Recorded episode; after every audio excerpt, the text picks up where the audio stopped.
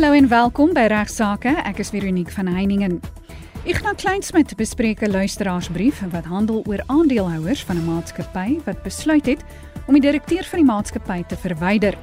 Hy bespreek ook 'n saak wat onder meer handel oor nywerheidsboerdery met wild wat blykbaar tot inteling en genetiese besmetting kan lei.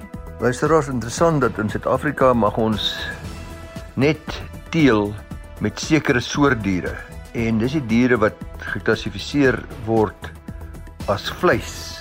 In die tweede deel van regsaake sluit spesialis gas Volker Kreur van van Velden Duffy Prokureurs by my aan om te praat oor 'n dispuut oor 'n fontein in die Wes-Kaapse Cederberg wat in die hof geëindig het.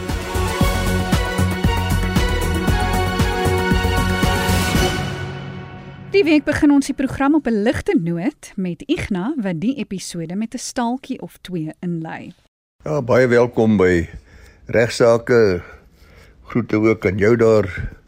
Veronique en al die ander mense by RSG, lekker om met almal te gesels. Ook baie dankie vir al ons gereelde luisteraars hier by regsaak en al die mooi komplimente wat ons van tyd tot tyd kry. Dit word opreg gewaardeer. Ek beloof om weer so een of twee staaltjies te vertel En daar's 'n storie van die beskuldigde wat homself verdedig het daar in die rondgaande hof in Ooskaap, 'n baie ou storie. En nadat 'n getuie vertel het hoe die beskuldigde die oorledene doodgeslaan het, kry hy 'n geleentheid om toe die getuie te ondervra. Daar's toe 'n lang gesprek in Kosa tussen eh, die getuie en die tolk. En die regter kom uiteindelik 'n uh, eh, bietjie geïrriteerd tussen beide en hy vra nou, "Wat vra hy meneer die tolk? Wat sê hy?" Want dit is 'n lang gestrek soos ek sê. Die tolk sê nee, regter, hy vra baie irrelevante vrae hier hulle. Die regter sê: "Dis vir my om te besluit of die vraag irrelevant is, nie vir jou nie, meneer die tolk." Wat vra hy? Tolk. Hy vra: "Waar koop die regter daai rooi kombers en wat kos dit?" Hy sê nou die regters, strafregregters het sulke rooi togas. 'n laaste enetjie oor 'n ongeduldige regter, was AC Milan van die destydse Transvaalse provinsiale afdeling en ook later appelregter geword, ook baie baie jare terug. En uh daar word vertel daar's getuienis gelei in 'n onbestrede egskeiding en die persoon wat ondervra het was geweldig lankdradig die advokaat. En die regter Milan het begin ongeduldig en kriebelerig geword. Eindelik vra hy toe die vraag: "Mevrou, is dit korrek dat u twee minderjarige kinders het?" Onmiddellik kom dit van regter Milan. U bedoel seker dat hulle nog minderjarig was toe u die dame begin ondervra het. Ek gaan bespreek nou 'n saak wat onder meer handel oor die wet op diereverbetering. Die spesifieke saak handel oor 'n lys diere wat mee geboer en geteel mag word. Kom ons hoor wat sê Igna. Luisteraars, interessant dat in Suid-Afrika mag ons net teel met sekere soort diere en dis die diere wat geklassifiseer word as vleis. Nou die departement het in 2016 in gevolge die wet op diere verbetering die nabe van 32 wilde diere afgekondig waaronder leeu's, renosters, jagluiperds, kameelperde aangebring is op 'n lys sodat met hulle geboer kan word. Dit was eh, die minister De Diza het in 2019 die name van nog 98 wilde diere waarvan sowat die helfte uitheems is op 'n lys geplaas in gevolge die wet op vleisgesondheid waarmee wettig in Suid-Afrika geteel en geslag sou kon word. Ag, daar was onder andere verskeie uitheemse herte, daar was hasse ingesluit, daar was eh, waterbuffels ingesluit. Klein steenbokkies, die blou duikertjies is ingesluit, bosbokke, swartwitpense, springbokke, swart en blou wille beeste, bastergemsbokke, almal was ingesluit waarmee geteel kan word. Nou moet ek dadelik vir u sê die Trust vir Bedreigde Spesies of EWT, die jagter en wildbewaringsverenigings het glad nie van hierdie addisionele diere wat bygevoeg is by die lys te gehou nie en hulle het hulle tot die hof gewend om 'n aansoek te bring dat die voorgestelde wetswysigings tersyde gestel moet word. Hulle het onder andere aangedui in hulle hofstukke dat die Diza en haar departement het hulle glad nie gesteer aan 'n klomp betoë wat deur die publiek ingedien is nie en openbare oorlegpleging is glad nie gepleeg en gestaan nog gesteer toe die lys saamgestel is. Jy sê dit met ander woorde gedoen sonder enige oorlegpleging en sonder dat daar enige proses was. Hulle het ook bevraagteken dat daar departement inmeng by spesies wat bewaar word in gevolge ander wetgewing, soos byvoorbeeld wetgewing van die departement van visserye, bosbou en uh die omgewing. Die saak is gehanteer deur waarnemende regter PA van Niekerk en die EWT is gelyk gegee dat die departement die nasionale omgewingsbestuurswet ook geïgnoreer het wat bepaal dat biodiversiteit in Suid-Afrika beskerm moet word. Hy het ook die aansoekers gelyk gegee dat nywerheidsboerdery met wild tot inteling en genetiese besmetting kan lei in teenoor hy het so ver gegaan om te sê dat Toko Dodiza die minister se besluite irrasioneel is. So die hof het Dodiza en die departement en haar departement beveel om sowel dan hierdie uh, trust vir bedreigde spesies en ook die jagtersvereniging se regskoste te betaal en die hof het dus 'n baie duidelike stok gesteek voor die regering se pogings om 130 wilde diere te laat herklassifiseer as vleis en dis vee waarmee geteel kan word.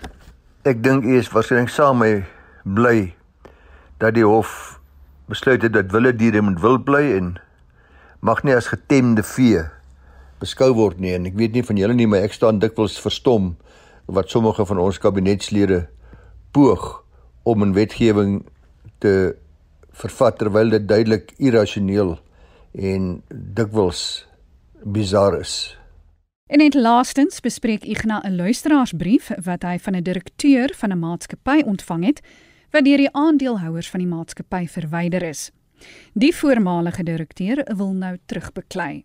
Ja, luisteraars, ek kry 'n telefoniese oproep nogal op my selfoon van ene Karel.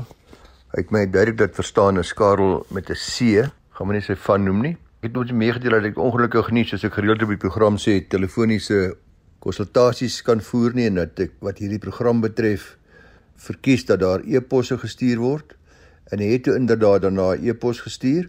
So asseblief ek vra maar net weer mooi ek wil nie om 'n skof wees in my skakel ek kan nie nooit verstaan waar jy my selfoonnommer vandaan kry nie want dit is beslis nie vir my kantoor af nie. Maar hoe dit ook al sê, vra jy vriendelik en beleef om maar 'n e-pos te stuur en te verduidelik wat die probleem is, veral as dit van algemene belang is, wat u dink die luisteraars ook almal gaan in belang stel na igna@ffd.co.za. Nou Karel sê hy's die direkteur van 'n maatskappy in Johannesburg en hy sê die aandeelhouers het nou 'n besluit geneem om hom te verwyder, maar hy seker dat hulle is nie geregtig om te doen nie en hy vra hoe so en hy sê hy gaan terugveg.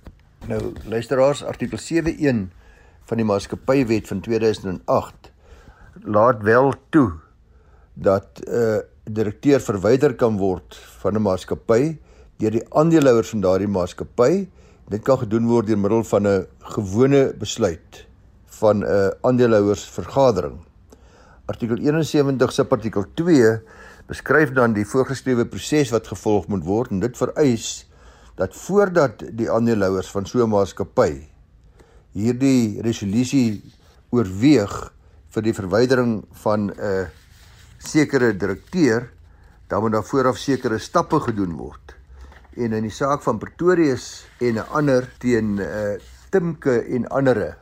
Dis 'n saak van 2014 of 2015, Junie 2015 het die hof gesê dat hierdie vereiste in artikel 71 2A dat die betrokke direkteur vooraf 'n redelike geleentheid moet kry om sy kant van die saak te stel.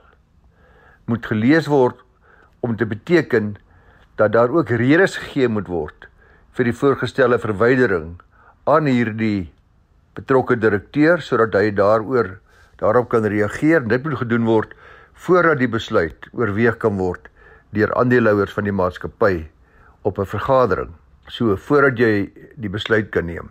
Dit was in 2015, maar in 2019 in die saak van Miller versus Nutmet Defence, eienoms beperk, het die Johannesburgse plaaslike afdeling, dis nou in Gauteng, Gauteng plaaslike afdeling na in Johannesburg van die Hoë Hof het nie saamgestem met die Pretorius beslissing nie en bevestig dat die aandeelhouers van 'n maatskappy nie hoef redes te gee vir hulle besluit om 'n aandeelhouer te oorweeg nie. Hulle is dus nie verplig om vooraf voordat hulle die besluit neem die direkteur in te lig voordat hulle hom verwyder as 'n direkteur nie. Nou meneer Miller het die hof ook genader vir 'n bevel inter alia vir die tersydestelling van 'n besluit deur die aandeelhouers van Natmet Defence Maatskappy om te verwyder as direkteur van die maatskappy en hy het ook beweer hulle het nie die artikel behoorlik nagekom nie deurdat hulle hom nie redes gegee het hoekom hulle hom wou verwyder nie. En het ook gesê dat die kennisgewing van die vergadering was te kort gegee. Dit was minder as 10 besigheidsdae voor die vergadering waarin hom sou verwyder. Hulle het wel kennis gegee dat hulle was dus nie nakoming van artikel 62.1b van die maatskappywet wat 10 besigheidsdae vereis. Maar die vergadering is gehou om hierdie verwyderingsbesluit te neem en uh, dit was telefonies en hy sê dis ook nie in ooreenstemming met artikel 63.2 van die maatskappywet nie. Die hof in hierdie geval, dis nou die hof in Johannesburg en Gauteng, interpreteer dat artikels 71.1 en 71.2 van die maatskappywet as jy woon na die taal gaan kyk daarvan, het nêrens 'n bepaling wat vereis dat die aandeelhouers van 'n maatskappy aan die direkteur voordat hulle hom verwyder 'n staat moet gee met redes vir die voorgestelde besluit nie. So dis 'n twee teenstrydige beslissings. Een was die eerste een wat ek vir gegee het, die 2015 beslissing was in die Wes-Kaap gewees en hierdie tweede beslissing is nou gegee in Johannesburg en ons sal dus moet wag vir 'n uitspraak deur 'n hoër hof as 'n hof van eerste instansie voordat ons weet wat die geldende reg op die oomblik is. Maar tot dan op hierdie stadium sal die Pretorius uitspraak gaan gesaghebend wees binne die jurisdiksie van die Wes-Kaap terwyl die Miller uitspraak sal weer die gesag wees binne die jurisdiksie van Gauteng se plaaslike afdeling of Johannesburg. Ons luisteraar kom van uh, Johannesburg af en in sy geval is dit duidelik dat soos die geldende reg nou is totdat ons 'n beter uitspraak kry wat vir die hele land geldig is, is die stand in Gauteng dat daar verwydering kan plaasvind van 'n aandeelhouer sonder dat hy vooraf kennis gegee is van die redes waarom hy daar 'n besluit geneem wil word om hom te verwyder. Natuurlik moet hy steeds sy normale kennis kry van die vergadering waar hy dan ook sy saak kan stel. Op hierdie noot al van my kant af en ek uh, praat weer met u volgende week maandag om 11:30. Luister nou saam met u na die tweede helfte van regsaake na ons spesialis gas wat met Veronique gesels. Groete.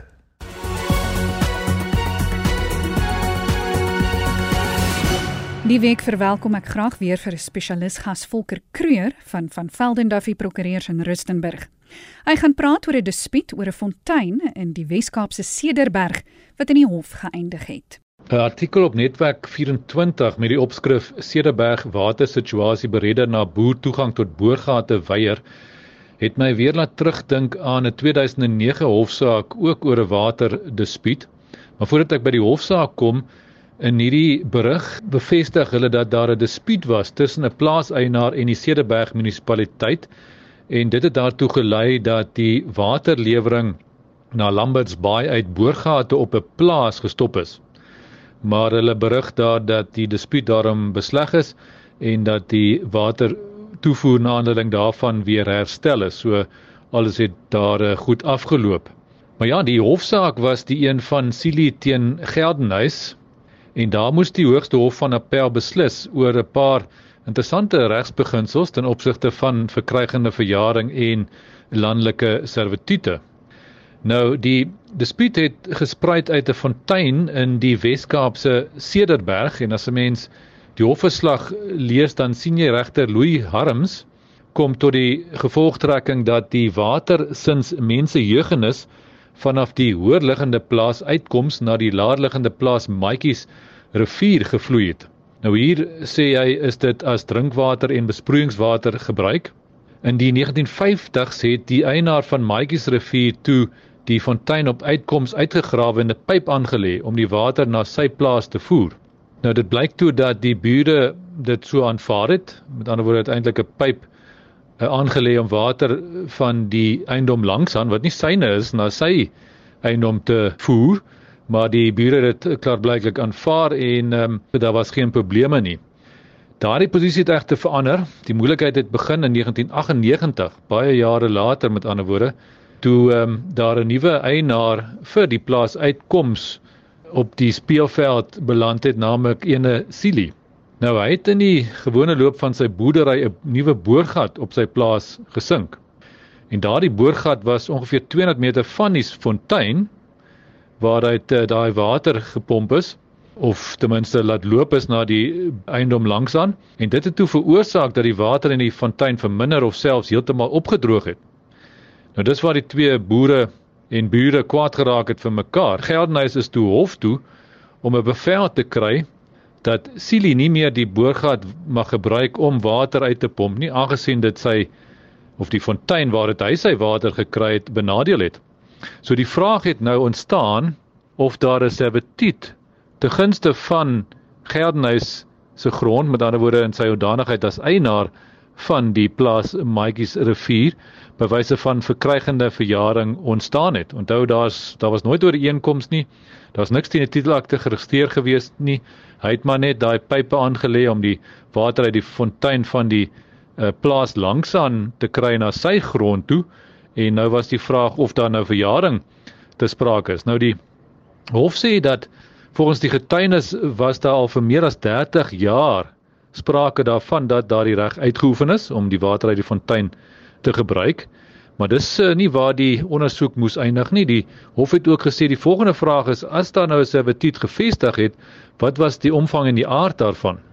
So ja, die hof kom tot die gevolgtrekking, dit was die goeie nuus vir Geldenhuis dat daar wel 'n positiewe servitut ten gunste van sy eiendom ontstaan het. Met ander woorde, hy as 'n grondeienaar kon dit dan ook afdwing. Hy het met ander woorde deur verkrygende verjaringe reg gekry om daai servitut en daai water uit die fontein of die servitut uit te oefen en die water uit die fontein te gebruik. Die hof sê saaklike regte ten opsigte van 'n eiendom so servitute, maar ook selfs eiendomsreg ontstaan bewyse van verjaring wanneer 'n reg vir 'n tydperk van meer as 30 jaar sonder die toestemming van die eienaar, baie belangrik, openlik en sonder geweld uitgeoefen word. So dis die vereistes. Die hof sê verder dat die feit dat Silie as koper en nuwe eienaar in 1998 nie bewus was nie van hierdie servitut wat deur verjaring ontstaan het, was irrelevant.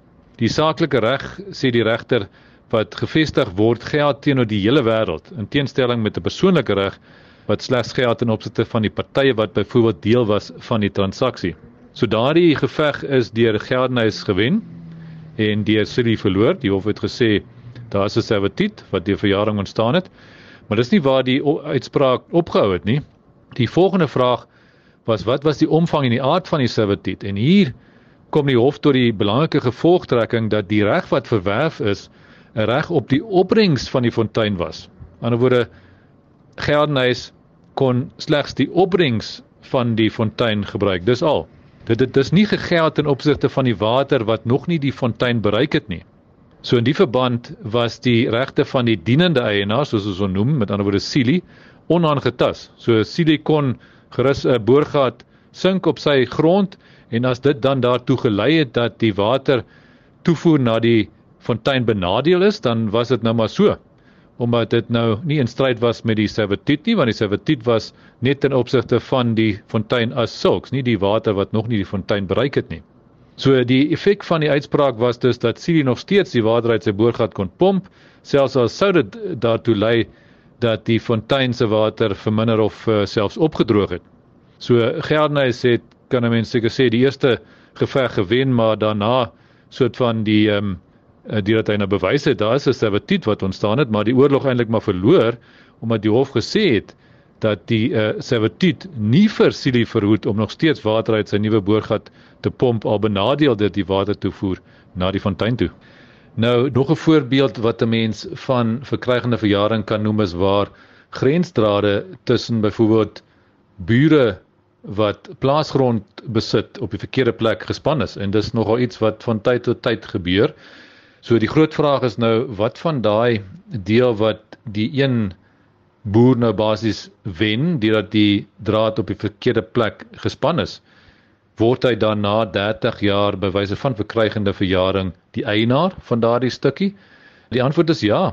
So as al die vereistes van verjaring nagekom word, met ander woorde, hy moes daai deel gebruik het sonder die toestemming van die eienaar openlik en sonder geweld asof hy die eienaar daarvan is, dan ja, word hy deur die verkrygende verjaring die eienaar van daardie stukkie grond. Dieselfde sou geld waar jy 'n pad soos ek vroeër genoem het vir 30 jaar of langer gebruik. Dan sou jy ook deur verkrygende verjaring 'n uh, reg van weg bekom wat dan daarna afgedwing kan word.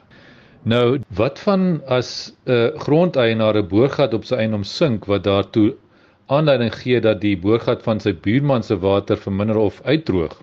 Nou as mens kyk na hierdie uitspraak wat ons vroeër na gekyk het, en uh, bespreek het dan sou ek dink dat dit dan maar so is dat die buurman hom dan nie kan verhoed om daai boorgat te gebruik nie.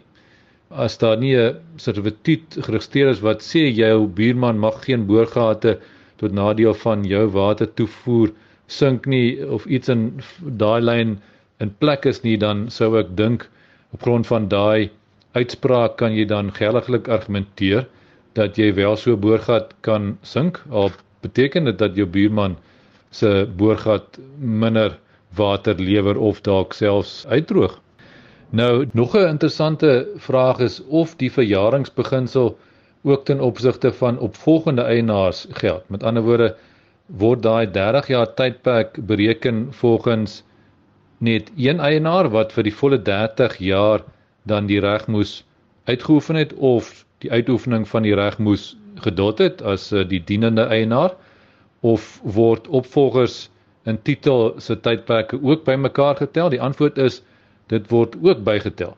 So as jy byvoorbeeld vir 10 jaar die reg uitgeoefen het, die volgende eienaar vir 15 jaar en die laaste ou vir 5 jaar, dan uh, word dit bymekaar getel en as dit 30 jaar of meer is, dan het jy aan daai vereiste van verjaring voldoen. 'n Ander interessante vraag is watse advies kan 'n mens gee om verjaring te verhoed? Nou, soos ons al twee keer nou genoem het, is een van die vereistes dat die gebruik van die grond byvoorbeeld die uitoefening van die reg sonder die toestemming van die eienaar moet gebeur. So as hy toestemming gee, dan is daar eintlik nie verjaring te sprake nie.